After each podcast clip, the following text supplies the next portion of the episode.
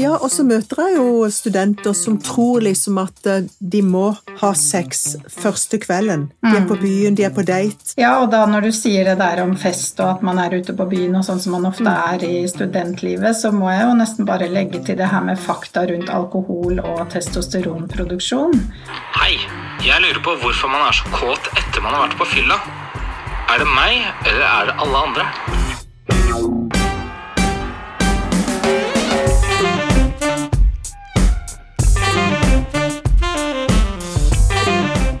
Ja, velkommen til denne episoden av podkasten Sex og sånn. Og i dag har vi med oss Kjersti Finsrud. Kjersti jobber som eh, helsesykepleier og er også sexologisk rådgiver i Frogn kommune. Velkommen skal du være, Kjersti. Tusen takk for det. Ja, du har jo et spennende tema som du og jeg skal snakke litt om i dag. Dette med lyst. Mm. Det å ha lyst på sex, eller hva tenker du om det sånn umiddelbart? Nei, jeg tenker jo at uh, lyst uh, til å ha sex er veldig sammensatt. Ja, Det er også veldig mye både myter og gammel historie og mye som påvirker oss i form av hvordan vi tenker om seksuell lyst, da. så det er en del myter, da. Ja, det opplever jeg både å finne i litteraturen og det som vi opplever sjøl når vi dykker litt inn i seksualiteten, sånn som vi har gjort på studiet, så er det jo eh, mye av det som man har med seg fra tidligere tider, hvor eh, man ser veldig sånn forskjell på dette med menn og kvinners lyst, og hva man tenker om det. Men, men er det sånn da, Kjersti, som en liksom hører at eh, ja, menn har alltid lyst, ikke sant? De ligger, de er liksom bare alltid klar som et egg. Og jo yngre de er liksom sånn omkring Jeg tenker, nå snakker vi jo til studenter, så egentlig skulle studentene gå rundt og ha lyst hele tida. Hvor- Hvordan er det? Nei, det er nok ikke sånn, eh, men at det er forskjell på kvinner og menns sexlyst eh, fra naturens side, det er det jo. Og da snakker vi jo i hovedsak om hormoner som påvirker oss. Ja. Men både eller alle kjønn er jo påvirket av eh, hva de står i i livet, og hvilken fase man er i livet, og hele dette liksom biopsykososiale perspektivet som vi er veldig opptatt av eh, innenfor seksualiteten, da. Så alt som eh, handler om det hormonelle, er jo én bit av det, men det er jo så veldig mye mer. Så biopsykososiale Det jeg hører nå, er jo at det er egentlig ganske mange ting som påvirker lysten. Mm. Det høres ganske komplekst ut. Ja, det er veldig komplekst. Og Ja. eh, lysten til å ha sex eller nærhet, det, det motiveres jo av noe. Og i forhold til hvor vi er i livet, så kan man jo ha forskjellige ting som påvirker oss, og som begrenser oss. Mm. Og da vil jo liksom den lysten eller den driften vi har i oss, henge sammen med da hvilken motivasjon vi har for å ha sex, og ønsker vi har, ikke minst. Så man kan jo ha lyst til å ha sex, men at man er i en situasjon hvor det faktisk ikke lar seg gjøre, eller Og det samme med manglende lyst også. At man Ja. kan ha lyst til å ha lyst. Man kan ha lyst eh, til å ha lyst, ja. ja, men, men det er ikke alltid det, det passer inn i det sosiale eller relasjonelle som, eh, som vi mennesker lever i, da. Nå, hvis vi liksom går til den um, studenter som denne podkasten er jo for, Mm. sex, sex og sånn, um, hvilket hormon er det på en måte som er mest aktivert hos mennesker som er i den um, fasen i livet som studenter er? Mm. Ja, det er jo testosteronproduksjon fra man er eh, i puberteten og videre oppover i, i tenåra og 20-åra, så er jo testosteronproduksjonen hos de aller fleste menn på topp. De har jo ti ganger så høy konsentrasjon av testosteron som det kvinner har. Men kvinner har også testosteron som produseres i hovedsak i eggstokkene, da. Så det påvirker også kvinners sexlyst i stor grad, selv om det er i mindre konsentrasjon, da. For begge kjønn har jo testosteron, Kjersti. Ja, begge kjønn har testosteron, og begge kjønn har østrogen. Så hvor mye man produserer i sin kropp, det varierer jo veldig. Mm. Og det kan jo også påvirke lysten i veldig stor grad. Så man kan ha en eh, person som eh, har eh, kvinnelige kjønnskarakteristika ved fødsel og vokser opp og har etter hvert en høyere produksjon av testosteron enn kanskje gjennomsnittet, og vil kanskje bli mer maskulin i sitt uttrykk og, og ha mer sexlyst, mer drive, mer muskulatur, alle de tingene som testosteron påvirker, da. Akkurat. Mm. Så for eksempel, vil det si at hvis jeg for eksempel var født med høy dose testosteron i kroppen, så vil jeg også for eksempel, hvis jeg trente, så vil jeg kunne utvikle en annen type muskler enn det en ei annen kvinne kunne gjøre, for eksempel. Ja, og så kan du jo si at eh, testosteronproduksjonen den begynner jo for alvor når man kommer i puberteten. Og ja. det er jo også da man begynner å utvikle muskulatur. Eh, mm. Og hvis du er et eh, menneske, da, uavhengig av kjønn, som, som, har et høyt nivå av testosteronproduksjon, så vil du eh, også kunne utvikle mer eller ja, større muskulatur, da. Du har jo de samme mm. musklene og de samme muskelfibrene, men det er jo hvordan de utvikler seg og, mm. og blir senest ut, da, som kan påvirke, påvirkes da, av testosteronnivået. Dette syns jeg er veldig spennende, for jeg tror at det er veldig mange som ikke tenker at eh, kvinner har testosteron, og jeg tror det er mange som ikke tror at gutter har østrogen. Mm, det er sant. Og det er kanskje det som gjør at når man blir eldre, så endres denne sammensetningen av hormon, sånn at det er jo noen som sier at de faktisk alltid syns de blir mer like. Ja, eh, når testosteronnivået faller i stor grad hos uh, menn ved deres overgangsalder, da, så, mm. så, er det ikke et like stort fall i testosteronnivå hos kvinner, faktisk. Altså, menn har ti, ti ganger så mye testosteron sånn, hvis man ser på gjennomsnittet, da. Så, mm. men, men, kvinner har jo som sagt uh, De faller ikke like fort, så de fleste kvinner opprettholder mye av sin testosteronproduksjon så lenge de har eh, eggstokker og, og intakt, da, og, og mm. sine kvinnelige indre kjønnsorganer intakt. Mm. Mm. Ja. Og veldig, hvis vi snakker om sexlyst, så, så er det jo også veldig avhengig av hvilken fase man er i. For har man vært i småbarnsfasen og man har liksom hatt mye stressmomenter rundt seg, kanskje i forhold til både jobb, småbarnsperiode, Eh, lite søvn, mye stress, det påvirker jo eh, eller sexlysten negativt. Mm. Så man kan jo faktisk, selv om man kanskje går ned i testosteronproduksjon etter 50-tallet, da, så vil man likevel være i en situasjon hvor man kanskje har voksne barn som flytter ut, mindre eh, stress på jobb, mer tid sammen. Og da vil man jo likevel kunne oppleve å ha en lang periode med økende lyst. Det kan man jo ha til, når du snakket om alder, langt opp i mm. alderdommen. At man likevel har en, en høy sexlyst, da. Jeg har liksom um, hørt når man snakker om lyst, liksom, så sier han at um, det er to grupper mennesker som ikke har lyst. Mm. Det er barn, og det er de godt voksne og de eldre. Mm. Det er liksom bare, det hører ungdommen til, da. Oh, ja. Ja. Hva tenker du om det, Kjersti? Nei, jeg tenker jo at uh, man har lyst fra man, man kan ha, kjenne en lyst i kroppen hele livet.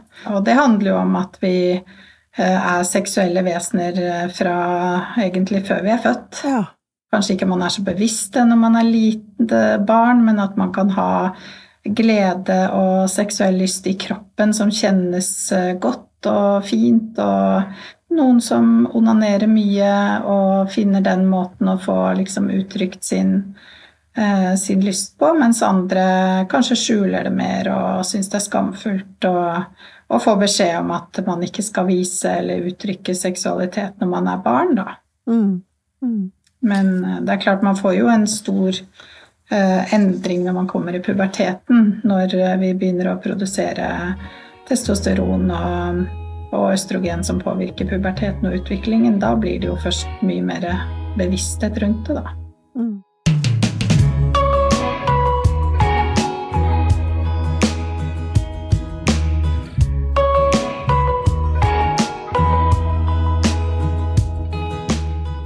Det er veldig veldig spennende, det du snakker om nå, Kjersti. Og, for vi møter jo studenter som eh, forteller at de uh, ikke har så veldig mye lyst, som de har liksom tanker om at man burde ha. De har noen sånne tanker om at jeg er ung, og jeg har ikke så veldig lyst. Uh, hva er galt med meg, liksom? Hva feiler det med, liksom? Mm. Så det er vel liksom en sånn myte, da, som du nevnte i stad, at liksom, fordi man er ung, så skal man liksom være tent og ha lyst hele tida. Så, for jeg tenker liksom sånn omkring eksamensperioden, for eksempel med mye lesing og mye stress, og så er det kanskje naturlig at både menn og kvinner, eller både gutter og jenter, får mindre lyst i forhold til det som du snakker om, eh, livet de lever akkurat der og da. Ja, sånn er det. Og det med periodevis Altså noen Det er mange motivasjoner for sex, da, men det er jo ikke alltid det er lyst som er motivasjonen, bare for å si det. Det er jo også noen som bruker sex uh, for stress av uh, Altså for å, for å, koble av. Ja, fortell og for å få en, en følelse av avslapning.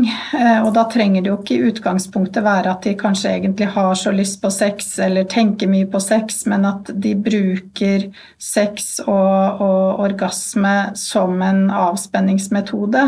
Så det er én type motivasjon for å, ha, for å, ha, sex. Det kan jo gjelde både kvinner og menn, da. Ja, mm. mm. og så har jeg jo hørt at noen bruker det som, som har problemer med å sove, da. At de også bruker det som en sånn metode for å ikke bare slappe av, men å få sove. Ja, helt klart. Mm. Og der kan man jo være i utakt hvis man er i en parrelasjon. ikke sant? Hvis det er to mm. studenter f.eks., da, og begge er i en eksamensperiode. Kanskje den ene ønsker å bruke sex som en eh, avkobling og, som gjør at man får sove godt, og sånn som vi snakket om nå. Og så mm. den andre bare tenker at det, det, er, det, er, liksom helt uaktuelt å ha sex mm. fordi at man bare er ikke der. Da kan det fort bli slitasje og, og, uenighet og krangling rundt akkurat den biten. Eller at den, den ene parten føler seg veldig avvist, og den andre mm. eh, avviser. Og, mm. og det gjør jo også noe med lysten når man er i utakt. Så hva kan man gjøre da? Hæ? Ja, det var det. Det, det. det, er jo noe med å tørre å sette ord på det. Ja. Og der tror jeg jo generelt sett at de aller fleste unge par, eller unge mennesker i dag, har vi, vi, tror kanskje at de har lettere for å snakke om seksualitet fordi at ting er så mye mer åpent enn før, og mm.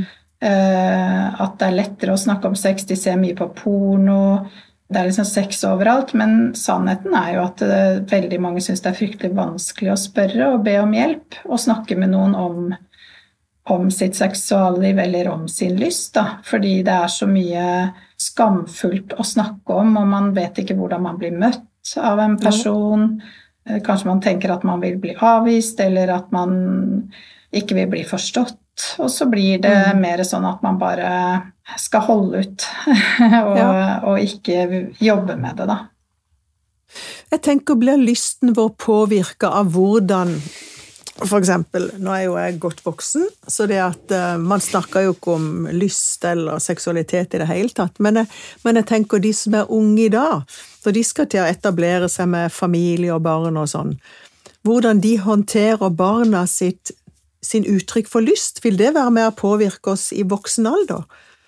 Mener du nå hvordan deres, altså de som foreldre, vil påvirke sine egne barn i forhold til ja, dette med lyst?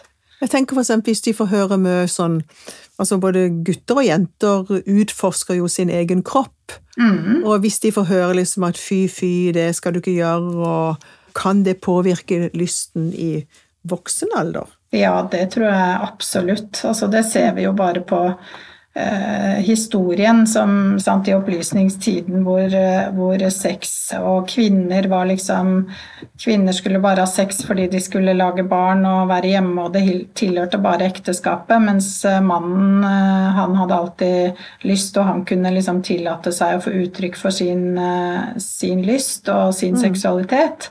Mm. Da var det jo aldri snakk om å ta ta opp dette med kropp, eh, kanskje heller ikke pubertet og utvikling, og i hvert fall ikke seksuell mm. lyst. Mm.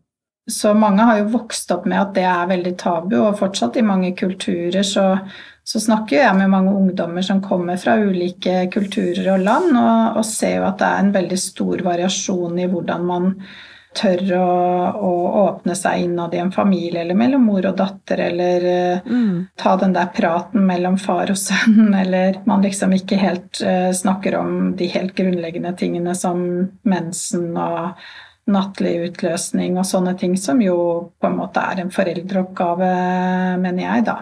Du, nå kom du inn på noe som er ganske spennende, syns jeg. Mm. Vi har jo mange studenter som kommer fra ulike kulturer. Mm. Og jeg tenker du møter også veldig mange unge mennesker i din jobb. Ja. Er det liksom sånn at vi tror at eh, norsk ungdom, eller de er liksom lettere De snakker lettere om temaet seksualitet, de er mer fortrolig med seksualitet, og hva er din erfaring på det? Det er veldig varierende. Jeg syns jo Nå jobber jeg på flere ungdomsskoler med, med alderen 13 til 16 eh, år, mm. og på helsestasjon for ungdom opp til 24.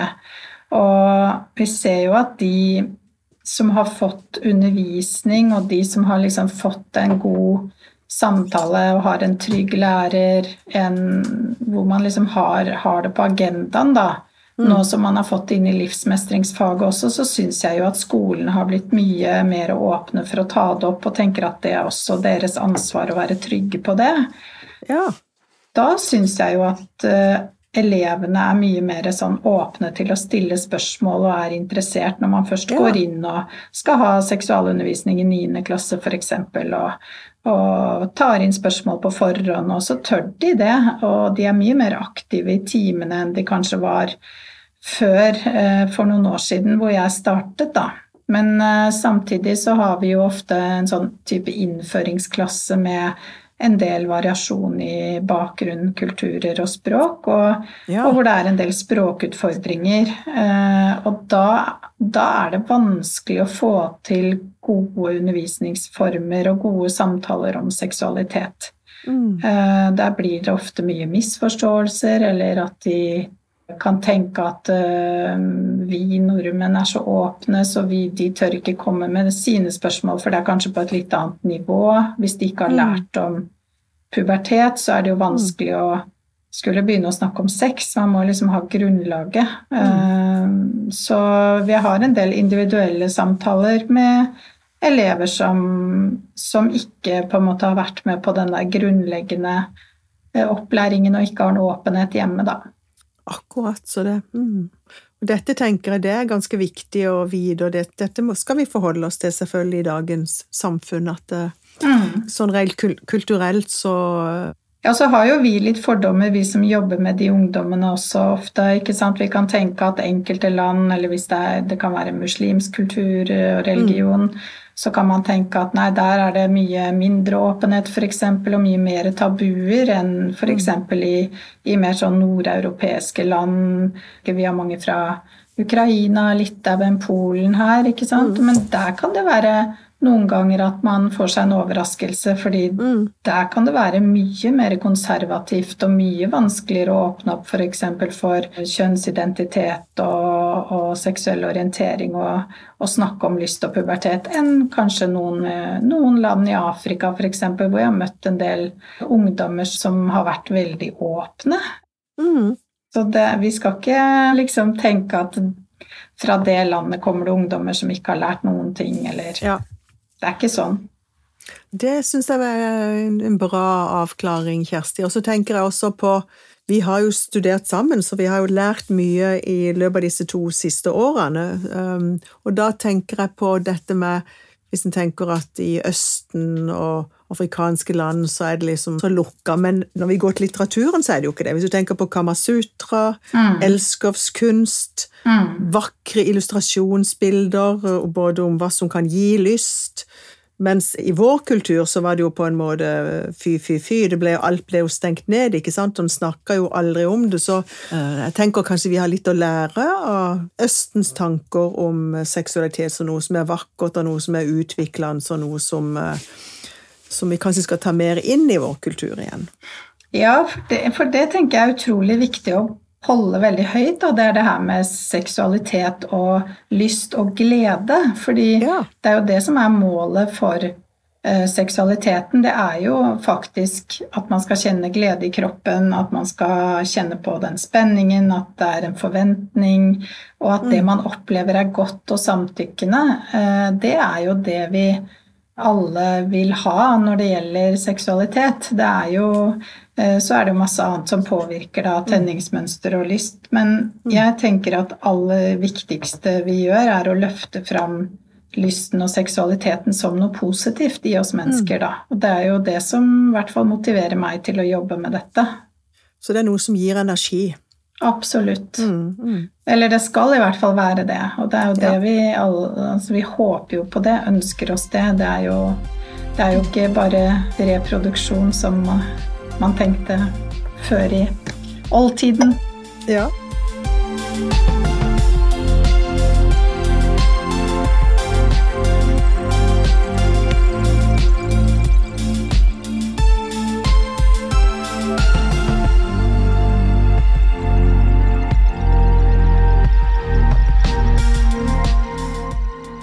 Jeg vet ikke hva du tenker, Kjersti, men jeg har liksom hatt litt sånn eh, vi, var, vi har jo for så vidt vært inne på det, men det er jo liksom kvinner som har forbeholdt retten og ikke har lyst. Altså, Vi har alltid snakka så mye om kvinner som ikke har lyst, ikke sant? Mm. Men jeg syns også kanskje både i litteraturen og så er det liksom Så får kanskje ikke mannen den fortjente plassen i forhold til hvor sårt det kan være å ikke ha lyst, og hvor vondt det kan være, og hvor vanskelig det kan være. Hva tenker du? Jeg tenker også det, og har jo for så vidt eh, snakka litt med noen unge gutter om det der. Og, og da er det jo vanskelig å ikke komme inn på det med Hvis gutter ikke har lyst, at uh, de føler på en sånn uh, skam, da. At det er noe galt med de, at de har liksom tapt mandighet. Og at de uh, kanskje ikke forstår at det, det er mer sammensatt enn bare at det hender noe fysisk i kroppen, eller at det er hormonelt, da, men at det, de tingene vi var igjennom i stad, at det er veldig mange ting som påvirker det. Og hadde de fått mer kunnskap, og hadde de visst litt mer om det, så tror jeg at det er lettere å snakke med kanskje også kamerater eller noen hjemme. For jeg tror gutter generelt snakker veldig lite om seksualitet hvis det kommer til problemer, eller hvis det kommer til utfordringer de har eh, om lyst, fordi de tenker at de er alene om det problemet. Veldig mange. Så vår store oppgave, Kjersti, din og min og andre sexologiske rådgivere, det er jo på en måte at vi må jobbe for mer åpenhet, vi må jobbe for å tørre å snakke mer om temaer, vi må oppmuntre foreldre til å liksom eh, Pappa til å snakke med sine sønner, og mamma til å snakke med sine døtre. For det er jo fordi at det fortsatt er så tilkneppa, på en måte. Ja, og bare i Norge tror jeg det er veldig forskjell på kulturer òg, bare for å ha sagt det. Eh, og så håper jeg jo at eh, også vi kan komme dit hvor uavhengig av kjønn av foreldre, så snakker eh, Hvis man eh, har eh, en medmor og en mor, da, at begge de kan snakke med sine sønner eller sine døtre eh, av alle kjønn også. At det ikke liksom skal ha noe med kjønn å gjøre, det med hvordan man skal snakke med hverandre. Eh, At det mer går på dette med tillit, åpenhet, kulturen i familien. eh, At det er greit å komme til en av de som er mest glad i deg på he i hele verden. Men eh, nå vet vi jo at ikke alle har det sånn i familiene sine. Da. Det var jo veldig idyllisert det jeg sa nå, men eh, man i hvert fall har kanskje én voksen person i livet som man har god tillit til. Da. Og så om det er en profesjonell person eller en i familien eller en, en annen voksen som kan, eh, kan, man kan snakke med, så er det jo det som betyr noe i det lange løp, egentlig, da. Mm. Og så syns jeg det er viktig at du poengterer dette med at du kan ha en mor, og du kan ha en medmor, og det ikke akkurat, skal ikke være knytta opp mot mann, kvinne. Nei. Vi skal ikke tenke så mye kjønn, ikke sant? Vi skal tenke mennesker. At Ja. det er mennesker rundt deg som du kan få støtte og hjelp, og mennesker du kan gå til. Ja, det er veldig viktig. Så kommer dette med kjønn, det må vi på en måte få, setter vi litt grann til sides, da. Det er, ja, det er helt underordnet. Det, det er jo helt ubetydelig. Det handler jo om relasjoner, og ikke om kjønn. Du, vi begynner jo å nærme oss litt eh, slutt, men jeg sitter bare og tenker på Du sier jo liksom testo testosteronet som på en måte kan gi mer lyst, da. Mm. Det kan være at det er en ung student som sitter der ute og lurer på ja, men jeg har ikke så veldig lyst, og det kan være ei jente, det kan være en gutt. Eh, Er det sånn at man bare kan liksom pøse på med litt hormoner, og så løser det seg? Nei. Nei, det er litt skummelt. Og, og det å gå på nett og bestille seg hormoner, det kan faktisk være livsfarlig. Så Mm. hvis man skal begynne å tenke i de baner, så må man snakke med en lege eller helsepersonell som, Ja. som jobber med, med hormonell behandling. Og Mm. det gjelder jo også i forhold til uh, kjønnsinkongruens, hvis man tenker uh, at man ønsker uh, kjønnsbekreftende behandling. Så vi anbefaler ingen å begynne med hormoner på eget initiativ, men at man åpner opp for å snakke litt om hva som egentlig er årsaken til manglende lyst. Da. For da kan det hende man får seg en aha-opplevelse og finner ut at ok, bare jeg eh, endrer litt på livsstilen min, eller får litt hjelp til eh, litt psykiske utfordringer, eller være seg hva, så får man mer lyst i sekundært av det når man har det bedre i livet sitt. Da. Så nevnte du innledningsvis hvor viktig det er å jobbe etter en modell eller en tanke om at de påvirkes både fysisk og psykisk og hva sier jeg åndelig og sosialt, da, men at vi er, vi er, vi er en enhet, ikke sant? Eller vi er en Så vi, vi, eh, vi påvirkes, og vi påvirker. Ja, vi gjør det. Vi påvirker også partneren vår eller kjæresten vår, eller Mm. mm. Hva er noe av det gøyeste du vet med lyst? Uh, og jeg tenker eh, hvis man liksom tør å gå litt inn i seg selv og, og tenke på hva er det som gjør at eh, det begynner å krible i kroppen min, at man tør å liksom tenke litt etter, da, hvordan har det vært fra jeg var liten, eh, hva er det som trigger sånn at jeg begynner å tenke i de baner at jeg har lyst til å ha sex med partneren min eller med noen andre. Hvis man, hvis man tør å kjenne litt etter selv, så er det også mye lettere å snakke med andre om lyst. eh, Snakke om andre om, med andre om seksualitet. Fordi eh, det er vel noe av det vi har lært mest av i dette studiet, er jo det at vi skal eh, faktisk gå inn og, og gå gjennom en prosess selv. Og hvis du ikke har gått gjennom en prosess med med egen, egne følelser, fordommer, tanker og sånn rundt seksualitet, så er man kanskje ikke klar for å være en god hjelper, da. Mm. Nei. Det tenker jeg er en sånn veldig eh, viktig bit å tenke på. Hvordan vi også, i møte med mennesker, skal kunne håndtere det som kommer både av spørsmål om seksualitet. Og, og så øh, kunne vi jo snakka nå i Dette er jo så spennende tema at vi kunne jo snakka i mange timer om dette. ja. Jeg har bare lyst til å avslutte med å si at studentene skal huske på at eh, det går an å ha lyst, og at det er ikke nødvendigvis det samme som at da skal man ha eh, samleie, for eksempel. Nei. For det skal det være samtykke til. Det skal begge ha, ha samtykke til. Ja, Men, men eh, fokuset på den der livsbejagende lysten mm. Man trenger ikke å ligge med hverandre. Man kan, eh, det er jo noe deilig i det å gå rundt og ha lyst òg. Mm. Det er sant. Og den Ja. spenningen er god å ha i kroppen. Det trenger Ja. ikke alltid få utløp eh, med noen andre. Det kan man jo også klare selv, og det er kjempeviktig å kjenne kroppen sin godt før man skal eh, begynne å kjenne på andres, i hvert fall. Ja, og så møter jeg jo studenter som tror liksom at eh, de må ha sex første kvelden. De er på byen, de er på date, Mm. Og så har de tanker om at ja, men jeg må jo ha lyst til å ligge med. Og så har vi hatt noen ganske spennende samtaler om at det går an å eh, bruke litt tid på det og kjenne at uh, dette er spennende, dette er interessant, dette Ta i bruk fantasien, ikke sant? Og så når den tida kommer, så har man kanskje enda mer eh, glede av det. Ja, og da når du sier det der om fest og at man er ute på byen og sånn som man ofte er i studentlivet, så må jeg jo nesten bare legge til det her med fakta rundt alkohol og testosteronproduksjon. Hei, jeg lurer på hvorfor man er så kåt etter man har vært på fylla. Er det meg, eller er det alle andre?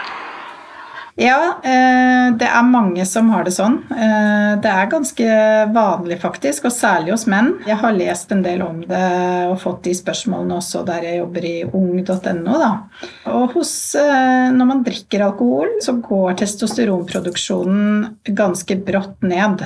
Fordi cellene i testiklene som produserer testosteron, de liker ikke alkohol de trives dårlig med det. Så da får man ofte et fall når man drikker eh, en, en, del Da snakker vi kanskje mer enn tre enheter, da.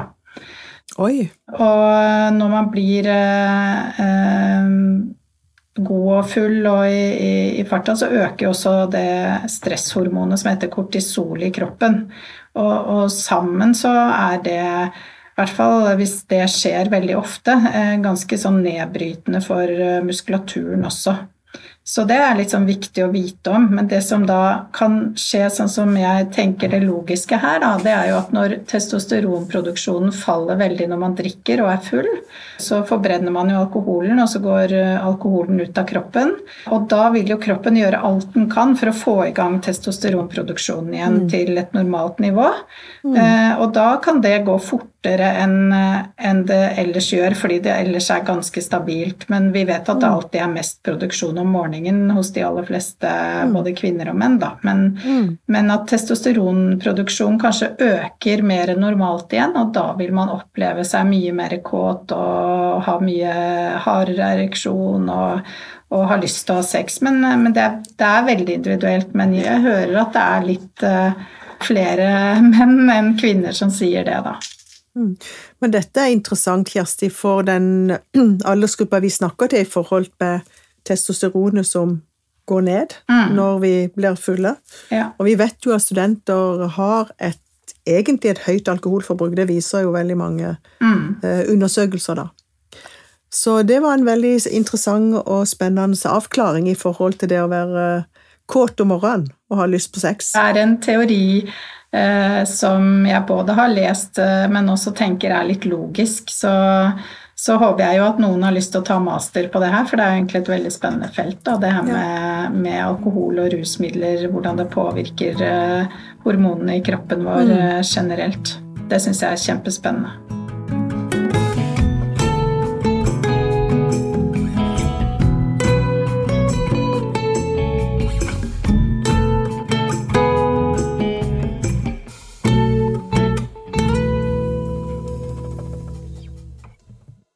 Er det noe som du tenker du vil tilføye, Kjersti, som hvis du tenker målgruppa vi snakker til? Mm. Uh, ja, altså jeg har jo eh, vi, vi, skrev i den oppgaven om uh, et studie som var gjort i 2021 av Bell bl.a., uh, hvor de finner at hos 18-29-åringer kvinner så er det sånn at når man spør om dette med lyst og hva som er Eh, årsaken til eh, at man ikke har eh, eller er seksuelt aktiv, så var det signifikant opplevelse av at mange hadde manglende lyst og nedsatt interesse for sex. Mm. Og de viktigste faktorene for lyst det var på en måte tilfredshet med utseendet og relasjonen de hadde til partner.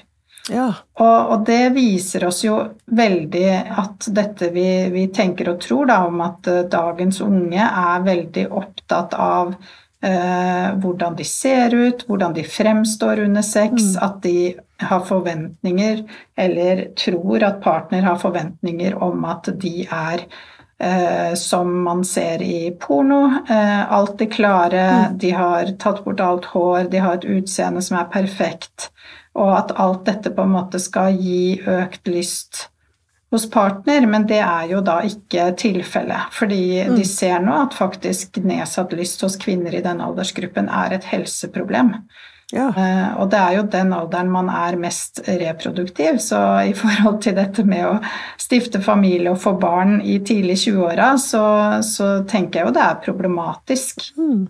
Fordi at de, de, setter på en måte det her sosiale og, og, det der at de skal liksom kunne ting før de har øvd, da. Fordi at mm. de ser at det er sånn det ser ut på porno.